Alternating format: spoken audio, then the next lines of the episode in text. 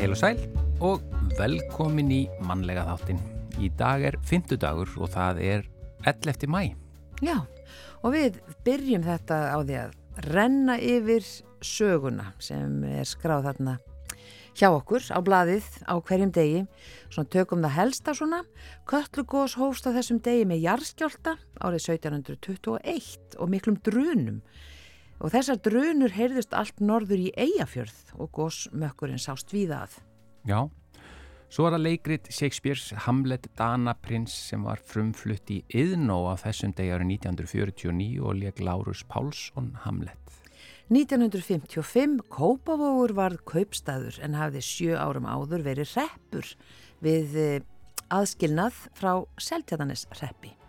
Já, til hamingi með það. Já, þetta er stór dagur í sögunni. Jörðin var í beitni línu milli sólarinnar og Mars á þessum degi árið 1984 því var hægt að fylgjast með skugga jarðarinnar færast yfir yfir borð Mars og næst gerist þetta, eh, skráði það hjá ykkur, 10. november 2084. Já, við munum ná því. Já, já, já. Setjum þetta í dagbókina. já.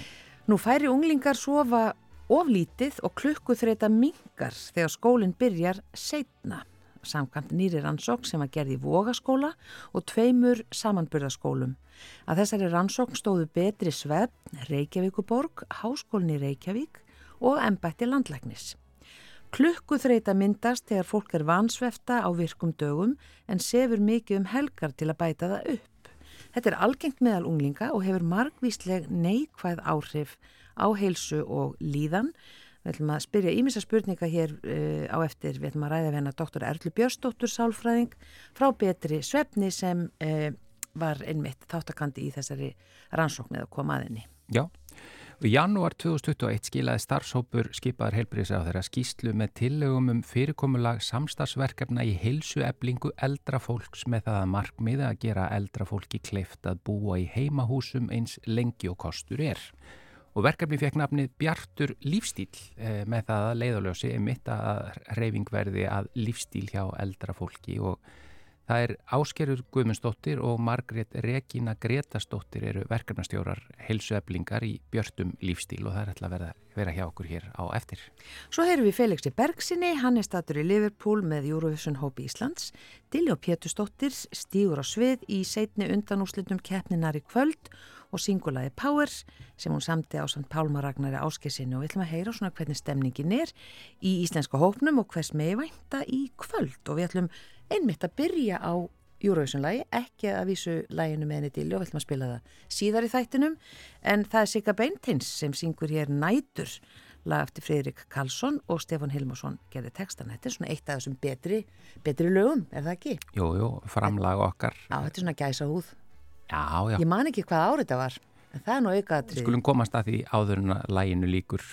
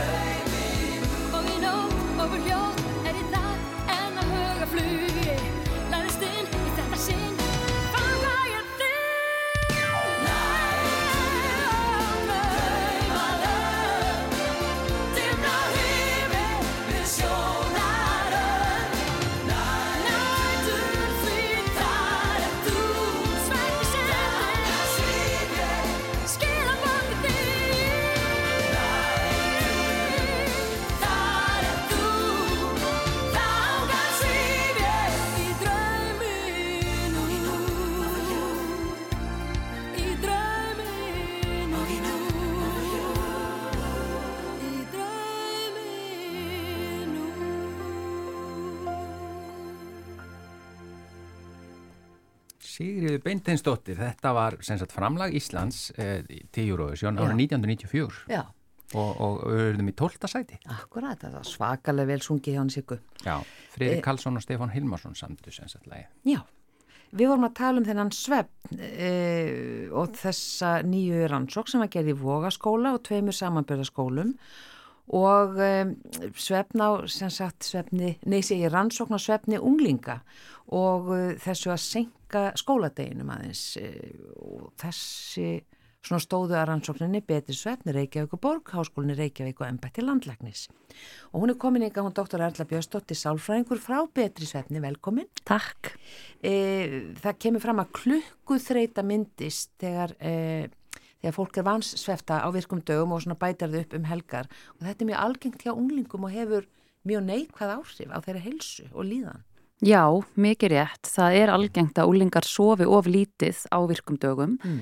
en reyna að bæta þau upp með því að sofa mikið um helgar og þetta ójafvægi hefur margvíslega áhrif og rannsóknir sína til að mynda að þetta tengist lagari heilsu, aukin áhættu á ofþyngd, meiri hegðunavanda, meiri áhættu hegðun, lagari námsárangur og fleira sem þetta getur valdið. Já, og hérna hvernig fór þessi rannsókn fram?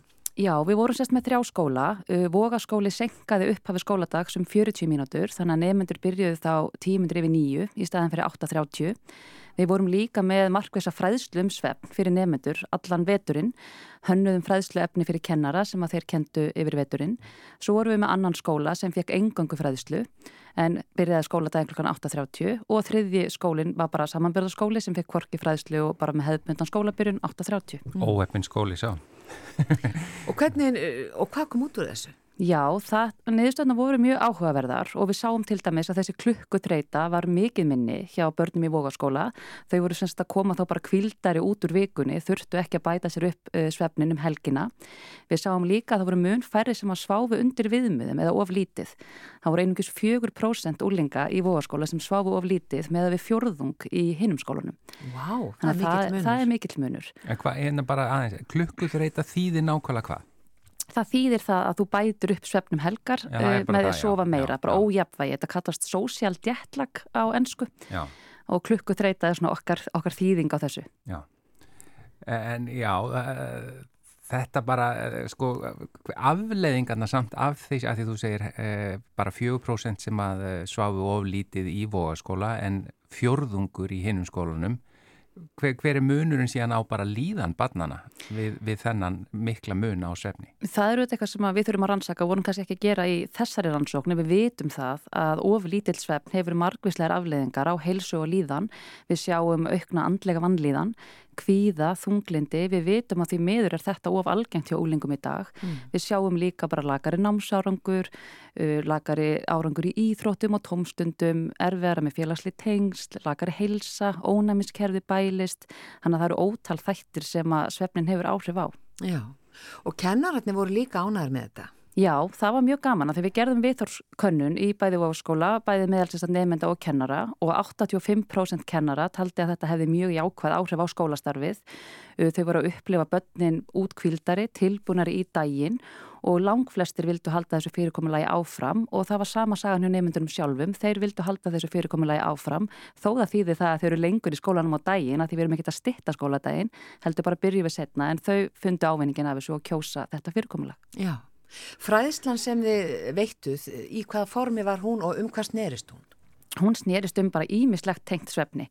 Við erum að fræða bara um hvað er að gerast þegar við sofum, af hverju svefnin mikilvægur fyrir okkur, hvaða þættir hafa áhrif á svefn, til dæmis skjánótkun, koffindrykkir og fleira í þeimdur, bara lífstílstættir og þetta voru allskins verkefni sem að nefnendur unnu veturinn, hópaverkefni, kennararnir voru náttúrulega bara líka með fyrirlestra og hérna, einstaklingsverkefni og fleira. En þetta bara mjög fjölbreytt fræðsla sem að við hjá betri svefn unnum í samræðu við kennara. Þannig að við unnum þetta verkefni saman, þannig að kennararnir sjálfur fengu efni frá okkur sem að þeir síðan matritu á sinn hátt. Já, og skólinn sem fekk bara fræðslu og, og ekki stýttingu eða sem sagt senkun skóladags, breytist eitthvað þar?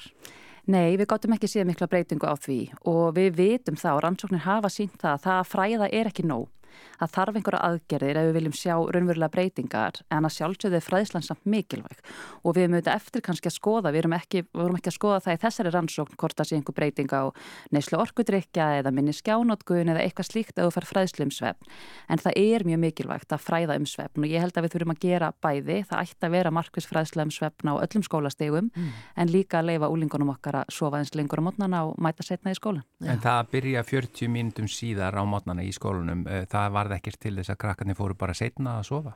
Nei, það var ekki margtakur munur á því hvernig börnin sopnuðu en það var hins vegar margtakur munur á því hvernig þau vöknuðu. Þannig að, og þetta var auðvitað svona áhyggju efni sem að margir komið með þau fórum á stað með þetta, því þetta ekki bara það að þau sopna setna en við byggumst ekki við að það myndi gerast að því að erlenda rannsóknir sína að það er ekki raunin, þau eru að sopna á svipum tíma en þau eru bara að fá betri svepp. Já. Þessi rannsókn sem bara, já, niðurstöðunar eru bara sínaða bara svart á kvítu og þetta er betra fyrir þau, þeim líður betur og kennararnir eru ánæður og allir eru ánæður. E, fer þetta eitthvað inn í skólaárið næsta á að, á að breyta þessu?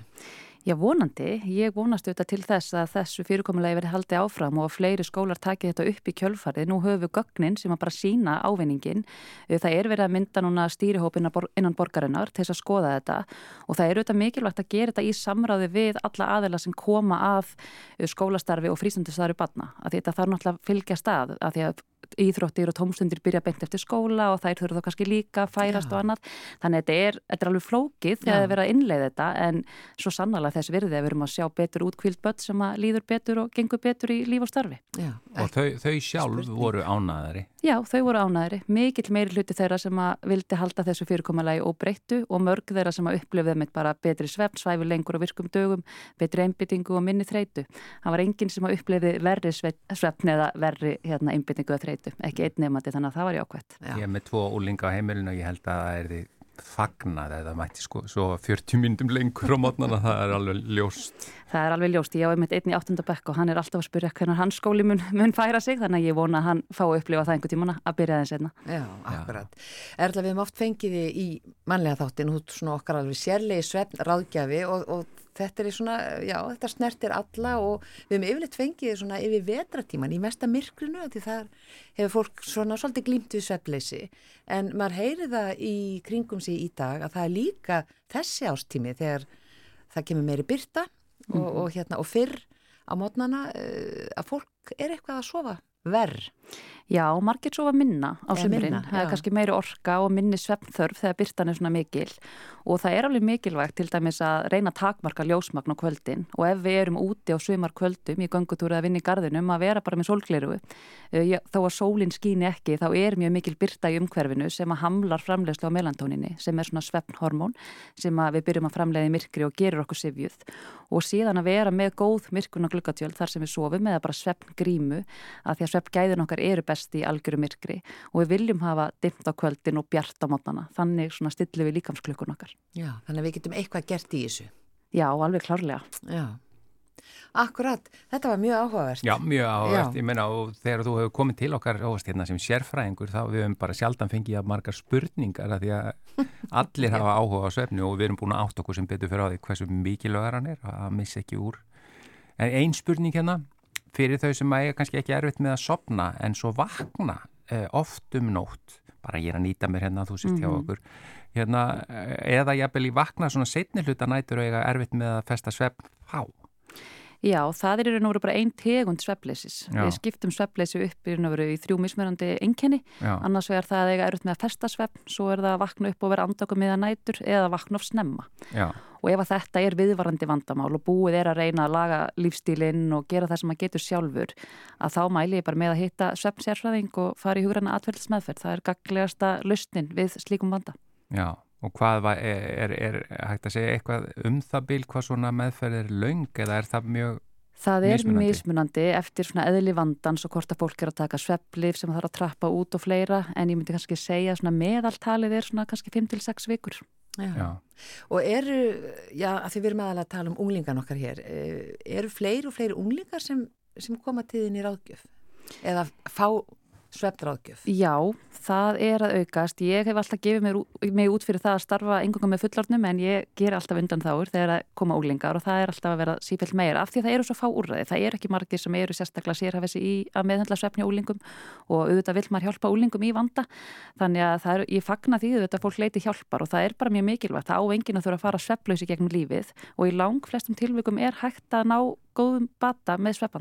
Já, akkurat.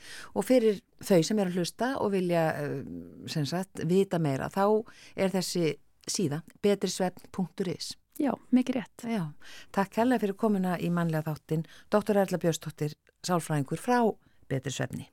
Takk.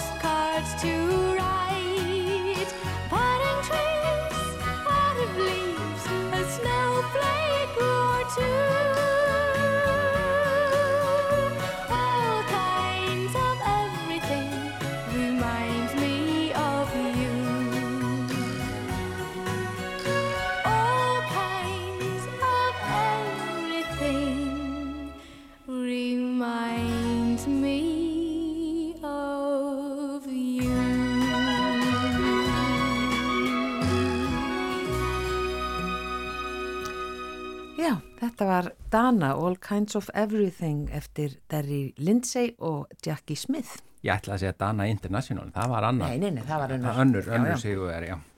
En hingar það komnar Áskiru Guðmundsdóttir og Margrét Regína Gretasdóttir. Þær eru verkefnusstjórar, heilsueflingar í björtum lífstíl sem við ætlum að kynna okkur aðeins nánar. Velkomnar í mannlega þáttinn. Takk fyrir. Takk fyrir. Fyrir utan það að þetta skiljum við orðin, en hvað er bjartur lífstíl? Uh, Bjartur lífstíl, þetta er samstagsverkefni sem að hófst árið 2022 um, og kemur í kjölfarið af styrk sem að hérna bæði stambundu tvö sem við vinnum fyrir, landsamband eldri borgara og, og Íþrótt og Olimpíusamband Íslands. Uh, þessi styrkur kemur í kjölfar COVID þar sem að eldra fólk var mikið einangrast og, og, hérna, og það þarf að huga svolítið að heilsuöflingunni um, og í rauninni þetta verkefni upp í hendurnar að kjölfar skýrslu sem að heilbyrðisar áhverja uh, setta stað starfshóp. Uh, við komum svo inn í þetta uh, árið 2022 eins og ég segi og förum að stað með þetta samanlega verkefni og það er rauninni með það markmið að gera eldra fólki kleift að búa sem leist í heimahúsum Já, og, og við förum að stað uh, og já, kannski að þú vilt segja frá því hvað við gerum. Já, það var sko félags- og vinnumarkasráðuneyti sem veitti styrk til begja sambandana, ISI og, og landsambands eldriborgara og eh, okkar fyrsta verk var í rauninni að kortleggja Ísland, senda út könnun á íþróttahjeriðin og svo eh, aðildarfélög landsambands eldriborgara, þá félög eldriborgara á öllu landinu eh, könnun e, þess efnis að fá niðurstöður um hvaða hreyfi úrræði eru í gangi sér hverju sveitafélagi fyrir sig fyrir 60 ára eldri. já, Og við fengum mjög góða niðurstöður og við í rauninni nýttum niðurstöðunar hérna, þannig að við kortluðum þetta svolítið eftir umferðarljósunum, guluröðu græn til þess að gera okkur kleift hvar við ættum að leggja mestam fókusin á hvar, hvar við ættum að byrja, hvert við ættum að fara e, sagt, hvar við ættum að byrja e, ferðalagið okkar að heimsækja sveitafjölinn og það var í rauninni landsbyggðin sem við settum í forgang. Og þá fórum við í það að, að, að mynda stýrihópa í sér hverju sveitafélagi fyrir sig og lögðum svolítið áherslu á að fá þverskurð fólks sem að vinnur að heilsueflingu eldra fólks. Og þá töluðum við við íþróttarhefingun og fengum e, starfsfólk frá íþróttarhefingunni, frá félagi eldri borgara, frá heilsugjæslinni og e, e, fjörði aðilinn í rauninni þar inn komið bara þjálfarar sem að eru með úrræði í gangin og þegar. já, kannski fyrir yngri kynnslóðir. Já, við vorum, já, nei, Nei, fyrir eldri. já. Já, og bæði í rauninni, þú veist, þannig að við sjáum líka tækifærin, að við sem að nýta innverðin í sér hverju sveitafélagi, þannig að það eru þjálfar nú þegar kannski að starfa sem uh, fókbaltaþjálfarar eða handbaltaþjálfarar, að sjá tækifærið í að vera líka með þjálfum fyrir eldra fólk, af því að hérna, já, þetta getur náttúrulega bara verið auka starfshlutfall þarna og Já, fyrir þau þjálfarana. fyrir þjálfarana Já, einmitt. Að, að því þið eru unni bjartur lífstíl, það er ekki, þið eru ekki komin í bæjarfjölögin í samkeppni við Nei. eh, það sem er í bóði Nei. þar.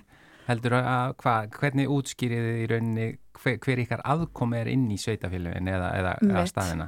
Sko við lítum á okkur svolítið svona sem títuprotnin í rassina fólki að bara að það sé eitthvað í gangi og það sé eitthvað gert fyrir hann að málefnaflokk og hérna og það sem við höfum svona mest lært af þessu er að það er svo mikilvægt þetta þverfælega samstarf. Já, að leiða saman þetta. Já, að fó- fólk Þetta er ofta hittast á, í fyrsta skipti þó að sé lítið sveitafélag að hittast þannig á fundaborðinu með okkur í fyrsta skipti að tala um þetta og það er alveg svolítið merkilegt að hérna og mjög gaman fyrir okkur einmitt að geta komið því að stað Já. og svo viljum við að þau haldi áfram stefnumótun, seti bara niður hvað er hægt að gera, hvað er í gangi, er hægt að ebla starfið eitthvað en frekar, Mm. þurfum við aðstóð, hvers konar aðstóð og þá eru við með gátlista og, og fleira sem að við höfum í rauninni þróað í okkar vinnu sem gæti aðstóða þessi sveitafjölug. Þannig það þeir eru svona aðhald, kvartning og fræðsla. Já, Já, og það er í rauninni formi þess að, að fólk getur þá farið inn á heimasíðu sem við erum búin að, að leggja mikla vinnu í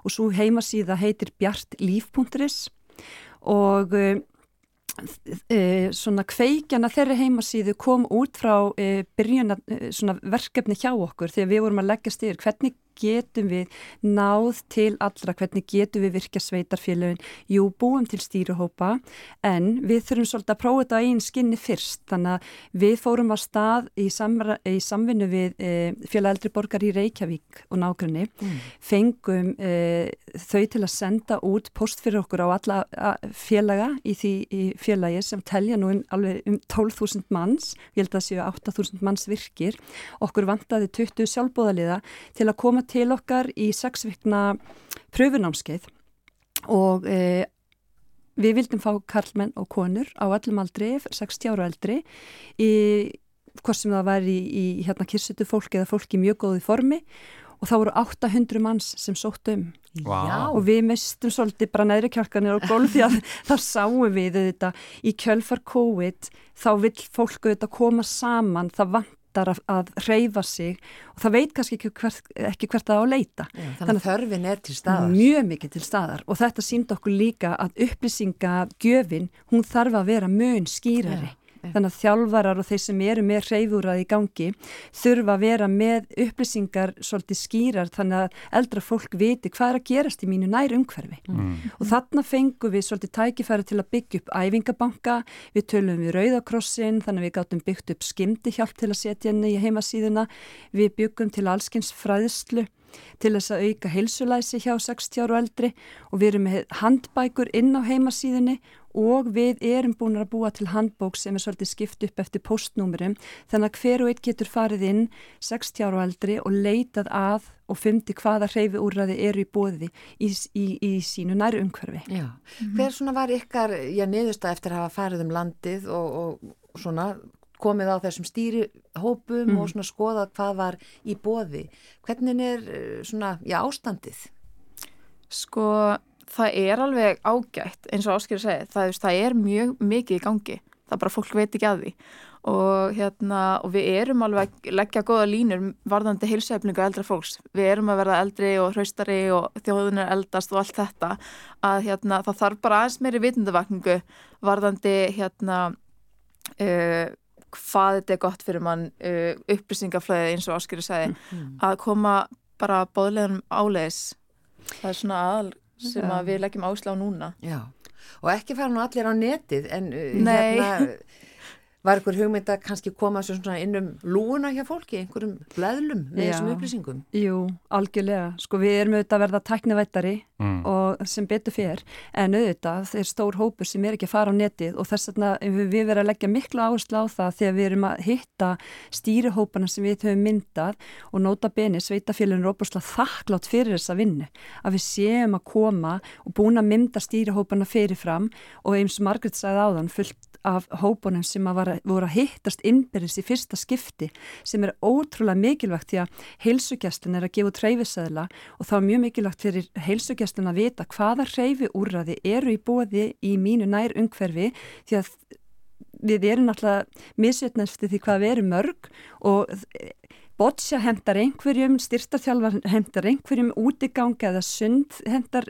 öðrum skiljiði Já, og svo er þetta líka alltaf þessi spurning hvað með að hlutirnir kosta. Mm. Það er eitt af því sem kemur mjög mikið upp á pallborði hjá okkur og svo umræða. Og við höfum í rauninni bara út frá okkar sexvikna námskiði þá gerðum við líka könnun á meðal þessar aðalir sem voru hjá okkur eh, hvað hlutirnir svona mættu kosta. Og það sitt sínist hverju. Þetta er mjög huglagt mat. Og þess vegna segjum við þetta þegar við erum með stýruhópana og erum að funda þið verðið að halda áfram ykkar vinnu og, og hérna spurning hvort það var hægt að búa til stöðugildi e, og, og sveitafélag myndi fjármagna það væri hægt að fá til dæmis e, nærlegjandi fyrirtæki til að koma með styrki? Er það félag eldri borgar eða íþróttafélagi sjálf sem veitir styrki? Er akstur í bóði og þess aftar það er svo marg sem kemur að nynni Já. og Margaret kom ymmit líka inn á það áðan það er svo gott að nýta innviðina og nota þjálfara sem kannski vilja auka stöðugildi sitt að búa til meira og fjölbreyttara efni og, og reyfúraði fyrir 60 ára eldri. Og að því að markmið er að gera eldra fólki kleift að búa í heimahúsi eins, lengi og, eða eins og lengi og kostur er. Er, er þetta meir og minna þar að segja reyfing sem að, sem að hjálpar til við það?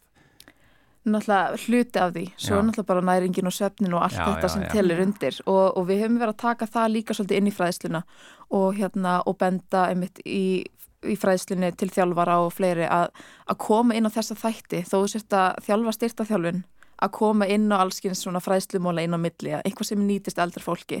Og það er aldrei hérna, hægt að segja sömu hlutina hérna of, Oft, oft. þannig að þú veist, þetta er, já en aðla sem við erum að taka saman er hreyfingin Já.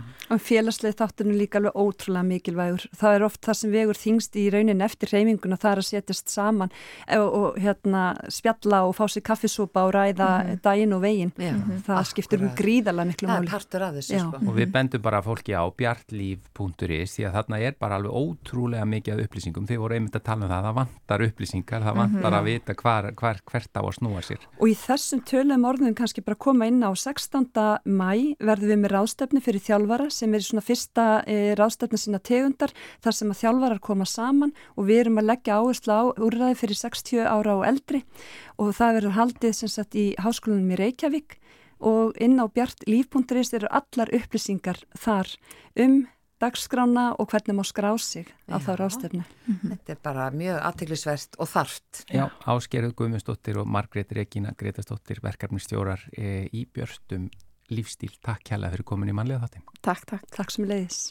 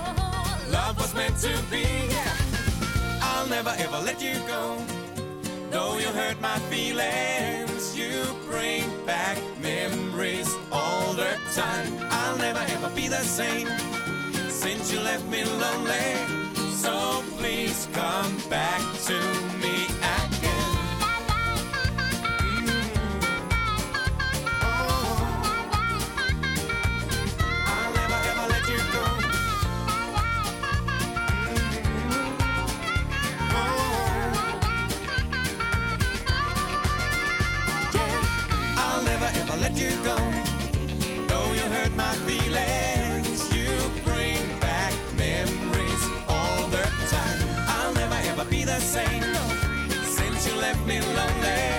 So please come back to me again. I'll never ever let you go. Þetta var framlag Dana til Eurovision árið 2001, Rollo og King og Never Ever Let You Go. Já, það er ekki hægt að einhvern veginn hafa mannlega þáttun á fimmtudegi án þess að tala hans um Eurovision. Já, sérstaklega ekki þennan fymtudaginn. Akkurat og það eru sem sagt, það er þjóðin okkar, það er Ísland, það er Diljá sem stýður á svið í kvöld og við eh, ætlum að senda henni okkar bestu ströyma og náttúrulega vonum svo innilega hún komist upp úr riðlinum. Það er alltaf miklu skemmtilegra og svo finnst okkur bara hún með það flotta atrið að það bara hlýtur að vera en það var uh, svo kallað dómararensli í gær, í gærkvöldi hvernig gekk það Felix Bergson? Ég komið sæl, jú það gekk uh, bara betur en áhorðist, þannig má segja. Því við lendum í smá tekni vesinni semst á æfingunni fyrir um daginn og þurftum að taka drastiska ákvörðin fyrir kvöldið. En það gekk mjög vel og hún, var, og hún tók inn eh, orkuna frá salnum og skilaði henni af þvílíku krafti, alveg svakalega orka í henni og þarna bara það besta sem hún hefur nokkuð tíðan gert held ég, sönglægið svakalega vel, gerir það alltaf að vísu upp á Já. tíu Já, en það var, upp, það var eiginlega upp á 11 í gær sko, það var alveg meira áttar, þannig að við vorum mjög ána með það. En En svo eigum við sem þetta inni með, þetta, með þennan snúningspall sem að klikkaði á. okkur. já, var það það sem uh, klikkaði í gær? Já, hann bara gaf upp öndina snúningspallurinn uh, á æfingunni um, fyrir um daginn og, þarna, og þá eru góður á dýr því að það var ekki hægt að gera við hann, hann er í rauninni bara ónýtur og uh, ekki hægt að fá nýjan fyrir kvöldið. Þannig að við ákvaðum bara að vera með pallin en láta hann ekki snúast uh, og þeir kamerumenninir bara hjálpuðu okkur með hlaupum í kringum hann uh, og þarna og en í dag fáum við nýjan pall og um leið og við komin í höll eftir klukkutíma þá munum við prófa þennan nýjan pall og svo verður hann notaður í kvöld. Þannig að það verður snúningur í kvöld. Það verður snúningur á stelpunni. Já, Aðalmálið er semst að hann sé ekki of hraður og ekki of hægur Já. já það er þannig einmitt. að, þarna, þannig að allt, allt standist þegar hugsunin er semst svo að hún fer á þennan snúningspall þá hlurinn hleypur kameran á móti og það verður svona svakalega mikil reyfing á því öll sem er mjög skemmtilegt Já, En þú, og sag, þarna, þú sagðir aðan og það- orka og kraftur. Væri, hún var að taka orku frá eh, áhörundum og kraftur og svona. Og svo heitir náttúrulega lægið Power. Það er, nákvæmlega, Diljá er bara svakalegur orku gjafi sko. hún er bara eins og batteri sko. Já, hún er alveg rosaleg sko. Og þetta er náttúrulega mikið líðurstamanneskja og mikið svona, já, svona orku, mikið orku búnt og það var svo gaman í gerð því að hún í rauninni hefur aldrei sungið fyrir svona marga og svona stóru sviði þannig að þarna, það var svo gaman að sjá hvernig sko viðbröðum voru viðtökunum voru frábærar og hún tók það bara með sér það var alveg eins og svona fíl eldist já, þannig að það verður gaman að sjá hvernig þetta gengur hjá henni í kvöld já. En þessi pallur, þessi snúningspallur, hafði hann ekki áhrif Já. á fleiri atrið heldur en bara okkar? Nei, nei, þetta er bara fallurinn okkar, það er, Nú. menn erum við sitt eigið, sko það er núna, það er, svo, sko, það er allir svo feiknir að komast eftir Eurovision, eftir uh, þessi þarna, erfið COVID ár, að, þarna, að hann kom til okkar hérna sá sem að er yfir sviðinu og var að tala við okkur um daginn. Og hann sagði sko, eh, sko yfirskrift keppninar í ár er, er, er sameinuð í tónlist, United by Music, Eh, en hann sagði hvort að við ættum ekki að kalla þetta í ár þarna, saminuð í propsi því að öll atriðin er með svo stórt props og allir eru með einhverja rosalega sviðismyndir að því að það er allir svo gladir að fá að gera allt eins og það var hérna í gamla daga Já. það er búið að halda í sér í tvö ár. Já, þannig að það nú bara mistu leikmynda þannig að það eru sveittir sviðsmenn á hlaupu með sko risa leikmyndir hér á, í hverju einasta atriði. Já, og það er, þeir er- fyrir ekkert að vera neitt smá snöggir. En hvernig er það, er þetta þá íslensku snúningspallur? Komum við með hann, Já. með okkur? já, við komum með hann með okkur. Já, já, og hann hefur öruglega orðið fyrir einhverjum hjaski á leiðinni. Já, hann er búin að vera svona smá vesen á honum þannig að við, en við heldum hann væri komin á, uh, alveg, þetta væri komið það væri í lagi með hann svo bara á æfingunni, þá bara gaf hann upp öndina hreinlega, þannig var það nú bara En er það þá líka eins og bara, er, er þú eða hver er að standa í því bara, heyrðu, við erum bara að retta öðrum snúningspalli bara núna? Já, það er Salome, við, við Salome Þorkelsdóttir sem bara förum í það mál sko og Salome er náttúrulega bara þekkjur orðið alla Já. og hérna, veit alveg hvert á að ringja Já. og hérna, hún er, þetta er bara, ja, þetta er hennar deild. Í rauninni skiptum svona á milli okkar, skiptum okkar verkefninu. Ég er svona meira með yfir sína, yfir, svona, eh, tek þátt eil í öllu en, en svo er fólk með sínar ákveðnu, sem með sínar á, sína ákveðnu verkefni og þetta er hluti af hennar, já. Og hennar hvaðan, ábyrð. hvaðan kom þessi snúningsdiskur? Bara að, að veitingast það? Já, þarna, að, að, þarna, að, að taka, halda einhvern til að, halda einhvern á ábyrgum. til Já, já, við algjörlega, Já, sko. þú meina, nei, við erum að tala um þennan sem að kom í staðinn og virkar núna. Já, Ég ætla að tala um hann, já. Já, hann kemur það var frá það BBC. sem ég- var að meina. Hann, hann, er, hann kemur frá BBC. Já, já, Já, nei, nei, já. við erum Sér ekki að eftir fara honum, En við þurfum að, en við þurfum að borga fullt fyrir. Það, er, það kostar hér allt. Já. það, kostar hér allt alltaf mikla peninga Jú, Já, það allt er bara sem að, en það er hluti af þessu öllu saman og hluti af í rauninni okkar bara, já, hvernig við svona budgeterum þetta, að við erum tilbúin uh, ef eitthvað svona óvænt kemur upp á, þá hefur við smá auka pening til að setja það. Já, Það er ekki allir sem vita sko að, að það eru sem sagt atriðin sjálf, þetta er bara ákveðin svona uh, peningur sem hérna löndin setja í þetta. Já, Eh, sem sagt það eru við sjálf sem erum að borga atriði þannig að ef að fólki finnst vá hvað þetta, hvað þau fengur margar hérna, eh, hvað heitir þetta, eldingar eða sprengjur eða já, þetta. sprengjur, Já, já. það kostar hver sprengja vist og þá er það bara þjóðin sem splæsir í það. Í það- rauninni, það er bara, það er bara hluti af sviðskostnaðinum og Já. það er bara eitthvað sem við borgum fyrir og er orðið alveg stu- sturlað dýrt, sko, það er bara, það er bara mennari hérna bara í taugafalli, sko, þú veist, og þarna, hann var með tárin í augunum í tekkin og sagði, ég baði um reik og svo sagði hann mér hvað hann kostaði og sagði, ég gæti ekki eins og verið með reik, ég get að fara og keift reikvél og staðið sjálfur á hliðasviðinu og ítt á takkan, en það mátti víst ekki, þannig að veist, þetta er bara svoleiðis, þetta er orðið alveg rosalega dýrt og náttúrulega með verðbólgu og öllu því sem er í gangi og svo er bara allt hér í Breitlandi orðið alveg ógeðslega dýrt sko. Já, já, já. það er leitt að heyra. Nei. Já, það er bara svo leiðist. Þannig að það er svona, það er svolítið þannig að því miður að svona þeir sem eiga aðeins meiri pening er að, fá, er, er að leifa sér að gera aðeins meira.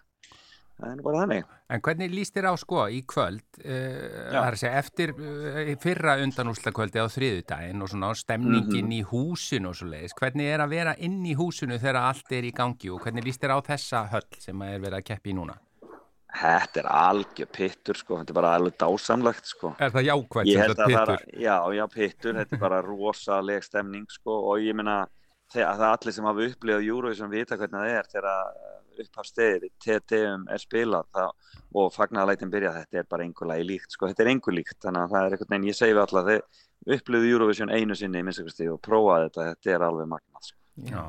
Og það er ekki betra sem sagt að hafa höllina of stóra, þá einhvern veginn Nei, týnist nei, nei, svolítið algjör og ég meina þetta er bara alveg frábær starf sko því að þetta er náttúrulega sjónvastáttur og það er verið að gera sjónvastúdíó og, og þeir koma inn svona þetta 6 til 8000 manns á hvert sjó og þarna en þeir þurfa að, en höllin tekur svona rúmlega 11.000 Já, en af því að sviðið er stórt, græna herbyggi er inn á gólfi og allar kamerurnar og, og, og ljósin eru í loftinu þá uh, minkar þetta aðeins en 8000 manns geta gert alveg ótrúlega mikið háaða, ég get alveg lofa eitthvað því. Hmm. já, akkurat. Hvernig eh, líst þér á þennan riðil? Nú heyrum að fólk tala um að hann sé jafnvel sterkari, þessi setni riðil heldur en fyrri, en það er ekki allir sammálaði, en hvað finnst þér? Já, ég held að ég, já, ég bara, svona, mér finnst þetta nú alltaf svolítið eins, sko. Nei, ég, ég, ég held nú að flestir lítið svo á að fyrri riðillin hafi verið svona minnskusti með svona fleiri lögum sem er að berjast um það að vinna keppnina í ár. Um, þannig að, að það er ekki mörg lög í, í okkar riðli sem er í þeim pakka að, að, að, að berjast um sigurinn. En e, það er sko, það, það sem gerir þetta svolítið erfitt er hvað það eru mörg lög sem er svona á svipaðan máta allir, hans einar söngkonur skilur, ein Mm. söngkona á sviði um, og þá, þá fer þetta allt svolítið að renna svolítið saman og þá verður þetta þar, þar svolítið mikið til að standa út úr og, þarna, og mi, svolítið mikið til að komast í hennan topp 10 vera á topp 10, því þú færið ekki atkvæði þú færð bara, sko, það skiptir engum áli hvort þú ert í 11 til 16 því þú færð bara ekki atkvæði þar en þú færð atkvæði 1 til 10 og það er sko, það er alltaf bara að vera inni þar hjá sem flestum þjóðum þannig að maður fái ná að sapna nógu mörgum atkvæðum til að komast áfram í úrslitin. Mm. og, og það er meirinn að segja þannig að þetta er bara að vera hörku spennandi í kvöld og bara, en við trúum okkur konu og treystum því að, að, að, að, að þetta falli með henni Og Hún er eina af þessum söngkonum sem er einasviðin, ekki sett? Jú, jú. Já, ég sá hérna smá brot allavega eina rúf frá æfingu og hún fyllir alveg út í sviðið, sko. Ég já, orku. það er ekki spurning sko. Já, og Og, þetta, og það er náttúrulega búið að vera mikil vinna, hún er búin að vinna mikið með Líprát og Salome Þorkinsdóttir núna alveg síðan við komum hinga út. Það hafa bara verið uh, þarna, auka æfingar í stúdíói sem við leiðum hér út í bæ. Það sem er bara vin, verið að vinna í rauninni svona í hennar tilfinningarlegu nálgun og lægið, hvernig hún tólkar textan, eh, hvernig hún lítur í kamerurnar og hvernig við fáum að sjá aðeins meira af henni. Við erum búin að einfalda atriðið heilmikið. Það er ekki eins mikil laup á henni eins og var í söngukefni heima. Og, og svo erum við búin að vinna gríðarlega mikið í grafíkinni bæði á gólfinu og í bakinu. Og þið munið fá að upplifa það í kvöld og það er, ég er mjög stoltar þeirri vinnu, það er óbáslega flott. Og svo eru ljósamennir hér úti, ljósadeildin hjá BBC sko á útofna að gera þetta flott fyrir okkur, þannig að ég hef bara mjög mikla vendingar um þetta, þetta er bara búið skemmtilegt. Já, Er, er Siggi. Gunnars, er hann rólegur? Eða eitthvað, að því maður sér hvað hann finnst sjúklega gaman að vera úti? Er hann, Já, er hann alveg hann- bara, hann, við þurfum ekki að hafa ágjör á hann með það? Nei, nei, þú þetta ekki að ágjöra, hann er núna í morgumatnum sko, hann er vaknaður Æ. og bara er í róliheitunum þar sko, en, en ég get lofa þér því að næsti þáttur að beðmáli í Bítlaborginni verður, verður sko, verður legendary sko, það er er, þetta verður, já, það verður eitthvað. hann Hann til dæmis er með stórt viðtal við hérna, Loreen, þar sem hann er bara, ég held hann sé bara með tárin í augunum allan tíman. Þannig að það er sko, já, þannig að það er margt í þeim þætti sem að mun, hérna, Já. mun glæðja. Uh, var eitthvað í fyrri riðlunum sem kom þér á óvart? Nei, ekkert. Ekkert. Ég var búinn að spá þessum tíu löndum áfram, ég var með þetta bara upp á, ég var með þetta upp á tíu. Já. Þannig að ég, að ég bara bjósti að þetta er því, ég sko, það er mér, það búið gaman að sjá hvað finnarnir virðast hitta í mark já, hjá fólki um, og þarna, það er búið skemmt að upplifa það og svo bara, nei, það var allt í þeim reyðli einhvern veginn svolítið eftir bókinni, sko. já. En í kvöld, ertu komin með eitthvað lista þar? Já, ég er með hann svona, ég, ég byrjar að síkrita listan minn, sko. Já. Já, já, ég Viltu er með segja hann okkur og hann? það- E, Það já, er búið auðvelt að vera með tíu það rétt að þú segir það bara eftir á. Já, já, ég sé Við erum að snúa á skulum segja, handrykinu. við skulum við skulum minnst vera með það að reyna að Ísland er inn á þeim lista. Það er það var eina sem að skipti máli, sko. Það er eina sem skiptir máli. Já, Nei, ég held að þetta getur orðið svolítið, sko, þetta getur orðið jafnvel á milli okkar og Danana. Já. Þeir eru með þarna færiska strákin Ræli sem er alveg dásamlegur, mm. en hann er á aðeins erfitt með, sko, með hérna að halda tónunum. Þetta er erfitt lag að syngja Já. og hann er ekki með mikla rödd blessaður. Aha. Hann er ægilega sætur. Þarna, Mér leist svo ægilega vel að það, já. Já. Að því ég sá sko dönsku keppnina, mér fannst hann koma svo vel Já. út, en já, ok. Það verður áhugavert að sjá. það verður mjög áhugavert.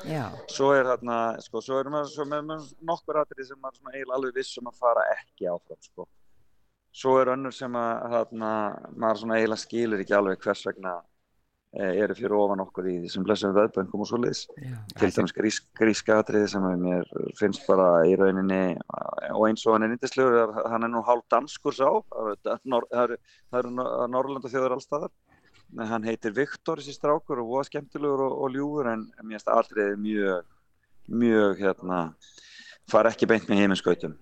Ég held að Rúmenin fari ekki áfram, ég held að San Marino fari ekki áfram, og þá er það nú svona farið að nálgast top 10, sko. Þessi veðbanka skipta engum máli í kvöld. sko. Nei, nei, nei. Nei. Þetta fer bara Nei, eftir, eftir framistöðunni, er það ekki? Jú, og það er sko, og það er í rauninni það sem að við í rauninni, og bara við hlustum svo eftir höllinni og ég fann svo fyrir bara ástinni sem að var í gerkvöldi og hvað það var mikil stemning fyrir Power Já, og ég meina og við vitum alveg þetta er gott lag og við vitum alveg að hún er frábær söngkona já. en svona er þetta bara Já. það verður bara að taka því sem kemur Við segjum bara áfram Ísland og bara rétt í lokin, ertu búin að sjá sigurvegara? e, Já, ég held ég sé nú búin að sjá það ég, ég spái nú ennþá svíum sigri í þessu í ár Já, en Sjáum hvað setur. En um, finnarnir koma mjög sterkir inn og svo ef að frökkunum tekst að laga atriðið sitt fyrir föstudaginn því að það uh, var eitthvað voðalegt klúður á atriðinu þeirra því miður Mm. uh, því að það er svo ansið skemmtilegt lag já, í Vítamónd og þarna ég held að það gæti alveg sko ef, að það, tek- ef, því, ef þeim tekst einhvern veginn að laga það eins til þá eru þeir alveg finnst þeir, mér þeir alveg hafa, hafa, hafa möguleika sko já.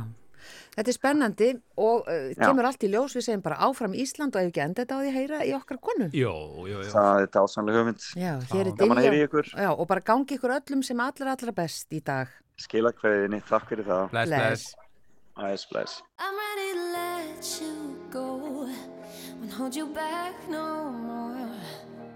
And God spread your wings and fly away.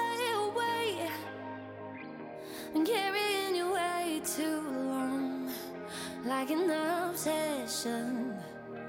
I thought you were a living part of me, but I got my power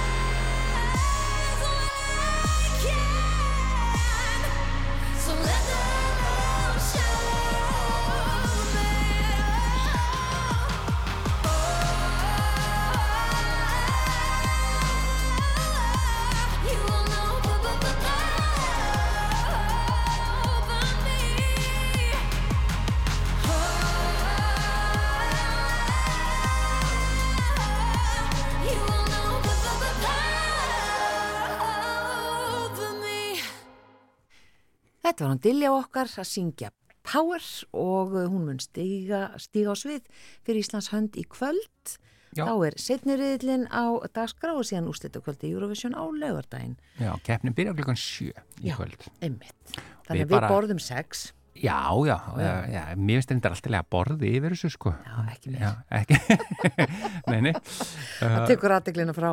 Já, já, ég skil þig, já, já, og svo, svo bara kemur í ljós, Eh, ég meina við verðum á laugadaginn í úrslutum, það, er að setja Já, dilja. já, við segjum Já. bara áfram Ísland og Já. vonum það besta og uh, sjáumst á morgun. Við verðum með förstudagsgesti á morgun á matarspjall og það er dálítið óvinnlegt matarspjall að því leitinu til að við verðum með uh, gest sem er ekki Sigurlu Margrit, Mm. sem er kannski ekki gestur en hún er bara í fríi.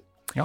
Þannig að við ætlum að ræða um pæjur eða pælur, Já. spænskar pælur. Fáum hana á morgun og Sassa Eithos til að segja okkur hvernig nákvæmlega við eigum að segja þetta. Já, hún er að halda námskeið í svona Æja, pælugerð já, og hérna og svo er það Vigdís Hafleðadóttir og Vilhelm Netto sem er að föstudagsgestir og þar verður bara nánast bara að tala um Eurovision. já, það verður skemmtilegt. Við þökkum bara einlega fyrir samfylgdina í dag. Verðið sæl.